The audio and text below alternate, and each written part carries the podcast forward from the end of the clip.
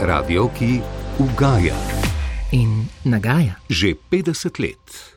Dobrodošli v letu 1972, ko so bile olimpijske igre najbližje Sloveniji doslej.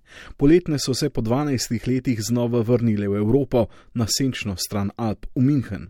Nekateri pri nas so priložnost izkoristili za nakup prvega televizorja, da bi si lahko v živo ogledali največji športni dogodek, mnogi pa so se še naprej zanašali na najhitrejši medij prejšnjega stoletja, na radio.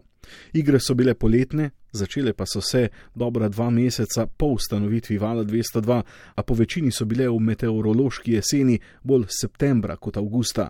Radio Ljubljana je na prizorišče olimpijskih iger tedaj prvič poslal večlansko odpravo. Tu München, tu München, osrednji olimpijski stadion, kamor so uprte oči vsega sveta. Franci Pavšer je spremljal otvoritev, ob njem pa je bil tudi Franek Trefalt. Že vidimo našo zastavo. Prihaja reprezentanca, ki jo bomo v teh olimpijskih dneh še posebej pozorno spremljali. Jugoslavijo je zastopala 126 športnikov, velika večina, kot je tedaj veljalo tudi za celotne igre, pa je bila moških. Za razliko od naše reprezentance, ki je bila na olimpijskih igrah v Saporu, so to pot naši predstavniki oblečeni spet v svoje tradicionalne modre obleke. Modri sukniči in temnosive hlače. V Münchnu je bilo le 13 jugoslovanskih športnic, ena od teh pa je bila štajerska metalka kopja. Zdaj z zanimanjem gledamo, koliko daleč je letelo kopje Nataše Urbančič. Poglejmo, jugoslovanski rekord je 58 metrov in 59, 59 metrov 6 cm, nov jugoslovanski rekord Nataše Urbančič in trenutno je Nataša na petem mestu. Ena najboljših slovenskih atletin vseh časov je želela v Münchnu ozaljšati podobo svojega zadnjega velikega tekmovanja. Nataša Urbančič leto prej na Evropskem prvenstvu v Helsinkih ni izpolnila svojih pričakovanj, bila je šele deseta in tedaj kolebala o koncu karijere. No, in ker nisem hotela svojo športno kariero zapustiti z neuspehom, sem se odločila, da bom še eno leto ostala do Münchna.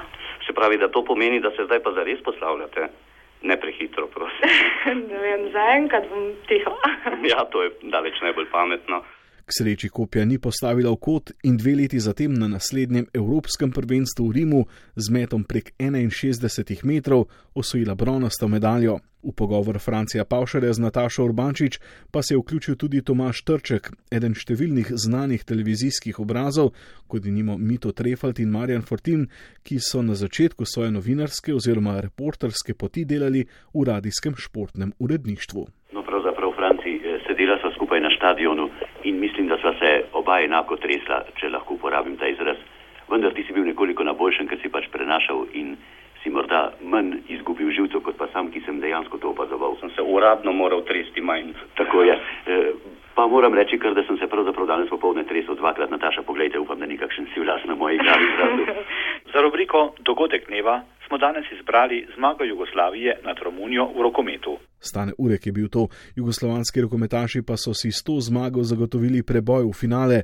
Rokomet je bil v Münchnu prvič olimpijski šport, pred 50 leti pa je bil precej drugačen od rokometa, ki ga danes gledamo. Izid prvega polčasa tekme med Jugoslavijo in Romunijo je bil precej bolj hokejski kot rokometen, bilo je 5 proti 4, končni izid 14-13. Toliko golov zdaj pogosto vidimo v enem rokometnem polčasu, ne v dveh. Sedaj je treba zadrževati žogo in konec. Srebrna medalja za jugoslovansko rokometno reprezentanco. Izvrst zmaga, zmaga nad svetovnim prvakom Romunijo 14 proti 13. V tekmi, ki je bila Kapetan rokometašev je bil Zagrebčan Ivan Snoj. V takih eh, slučajih se igra tako imenovani rokomet, šah in upam, da bo to za naše eh, igralce en velik pogum, da v finalni tekmi, sedaj, ko imajo že zasigurano srebrno medaljo, zaigrajo še na eno karto več. To je Jugoslovanom tudi uspelo, Čehoslovake so zanesljivo ugnali v finalu. Sno je govoril po slovensko, kar je bilo sicer redko za športnike iz ostalih republik. Ponavadi so pogovori s slovenskimi radici potekali tako, da so novinari postavili vprašanje v slovenščini, športnik pa je odgovarjal v srbo-hrvaščini, odgovorov pa se potem ni prevajalo. Te pogovore so potem predvajali tudi na preostalih jugoslovanskih radijskih postajah. Ob meni je Josip Čorak, okrog vrata se mu blešči srebrna medalja. No in najprej vam najiskreneje čestitam za ta vaš velik športni uspeh in vas prosim, če bi povedali nekaj besed. Hvala vam lepa za iskrene čestitke. Ja, u ovom momentu toliko sam sretan da ne znam sam o čemu da vam e, govorim, što da vam pričam. Uglavnom zahvaljujem se vama na pozivu ovome koji je za mene jedna čast govoriti za radio Ljubljanu i ja, Tudi radio Beograd. I radio Beograd. Ja vjerujem da, da je ovo radost većine slušatelja naših, isto skoro kao i moja. Rokoborec Čorak je poskrbel za eno od petih jugoslovanskih medalj, ena je bila torej rokometna, štiri pa borilne, ob Čorakovi še ena rokoborska in še dve boksarski, tudi zlata znamenitega Mateja Parlova. Parlov mu je zadal nekaj silovitih udarcev, ki so mu vzeli moči in zdaj še enkrat in sodnik je prekinil boj. Mate Parlov ima zlato medaljo. Zlata medalja za našega Mate Parlova.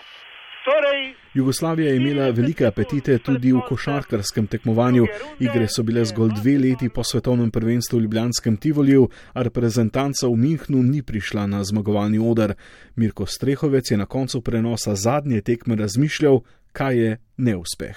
To je srečanje med Jugoslavijo in Portorikom, srečanje, ki odloča o petem mestu na olimpijskem košarkarskem turnirju, Jugoslavija pa vodi 80 proti 70. Biti peti na olimpijadi ni neuspeh, vendar v našem primeru, v primeru naše košarkarske reprezentance, ki je svetovni prvak, je to vsekakor neuspeh. Finale med Sovjetsko zvezo in ZDA pa je bil eden osrednjih dogodkov teh iger, pa ne le zaradi rivalstva med obema košarkarskima velesilama. Američani so bili tedaj še neporaženi na olimpijskih igrah, dobili so vseh 62 dvobojev, Sovjeti pa so imeli izjemno generacijo na čelu z bratom Abelov. Dvoboj se je začel šele 15 minut pred polnočjo, da bi se prilagodili ameriškemu televizijskemu občinstvu, v zgodnjih jutranjih urah pa je postregel z enim od najbolj kontroverznih zaključkov v zgodovini športa. Sovjeti so imeli 6 sekund pred koncem vodstvo in žogo, a jo je Aleksandar Belov podal neposredno Collinsu, Sovjeti so nad njim naredili namerni prekršek. Collins je za trenutek celo izgubil zavest, a se zbral in šel do črte za proste mete. Dva prosta meta za Kolinca in izenačenje. 49, 49, 3 sekunde so se do konca. Ali bo to dovolj časa? In zdaj je zadetek. Američani vodijo 50-49, Sergej Belov. In kaj sta sodnika piskala sedaj? Sekundo pred koncem, timeout za sovjetsko reprezentanco. Američani so z drugim prostim metom sploh prvič povedli na tekmi, po minuti odmora pa so ujeti v preostali sekundi niso uspeli zadeti. Američani so se veselili, britanski delegat William Jones pa je razveljavil zaključek, saj je zapisniška miza naredila napako. Mnogi po svetu so se spraševali, kaj se dogaja. Radijski poslušalci v Sloveniji pa so imeli odličen pogled v dogajanje. Reporter Mirko Strehovec je med prostima metoma Kolinza poudaril, da so ostale še tri sekunde. 49, 49, 3 sekunde so se do konca. Strokovni komentator pa je bil tedaj Ivo Danev, kapetan svetovnih prvakov izpred dveh let. Hitro je ugotovil, kaj je šlo narobe. Sovjetski selektor Kondraškin je po prvem prostem metu Collinsa zahteval minuto odmora. Tekma bi se morala takrat prekiniti, to da zapisniška miza ni uspela sodnikoma sporočiti sovjetske zahteve. Zato se je tekma po drugem prostem metu nadaljevala, šele po dveh sekundah pa je Sovjetska zveza dobila zahtevano minuto odmora. Zato, ker ne bi smeli vzeti timeouta po izvajanem metu, ampak pred metom. Zgleda, da še ni vse končano, zaradi tega, ker Jones prihaja na igrišče, bomo videli, kaj bodo odločili, ali se bodo izvajali še tri sekunde ali pa konec srečanja. In te tri sekunde so se na koncu le odigrale. Torej, v treh sekundah se da v košarki primankljaj ene točke še nadoknaditi. Američani imajo tako rekoč zlato medaljo v žepu, toda možnost za sovjetsko reprezentanco še vedno je. Podaja proti Aleksandru Belovi zadetek! Ja, zmaga sovjetskih košarkarjev! Tako je! Igre pa niso šle v anale le zaradi nepozabnih trenutkov športne radosti in žalosti, pač pa tudi zaradi nasilja. Bugua, Kenija. Mirko, oprosti, da te za trenutek prekinem. Pravkar smo zvedeli, da je predsednik Mednarodnega olimpijskega komiteja Everi Brendič povedal, da so olimpijske igre München 72 prekinjene za nedoločen čas. Želja Francija Pavšarja z otvoritve iger se žal ni uresničila. Upamo, da bomo vsi udeleženci, ne samo najboljši športniki sveta, ampak tudi spremljevalci, poročevalci in gledalci eno. In ne samo do 10. septembra, ko bo v Münchnu plapolal olimpijski ogenj, ampak vedno. Palestinska teroristična skupina Črni september je zajela 11 izraelskih talcev, zahtevala je izpustitev več kot 200 palestinskih zapornikov. Radio Ljubljana, Olimpijski studio München. Mrtvi in talci v olimpijski vasi, nedaleč stran od olimpijskega ognja, ki še vedno gori. Stari Grki so prekinjali vojne, da bi lahko nastopali na olimpijskih igrah.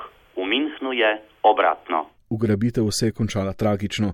Nemške oblasti so neuspešno skušale osvoboditi talce, vsi so umrli, zraven pa še en nemški policist in pet palestincev.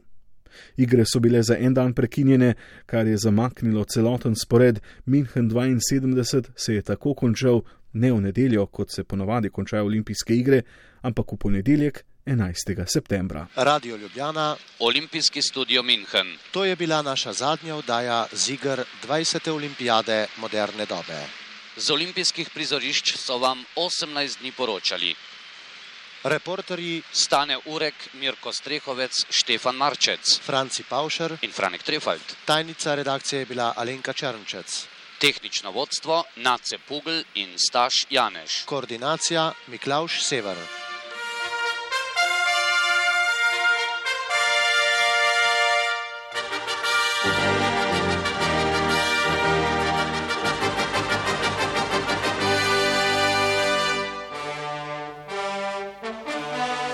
München 72. Igre 20. olimpijade moderne dobe.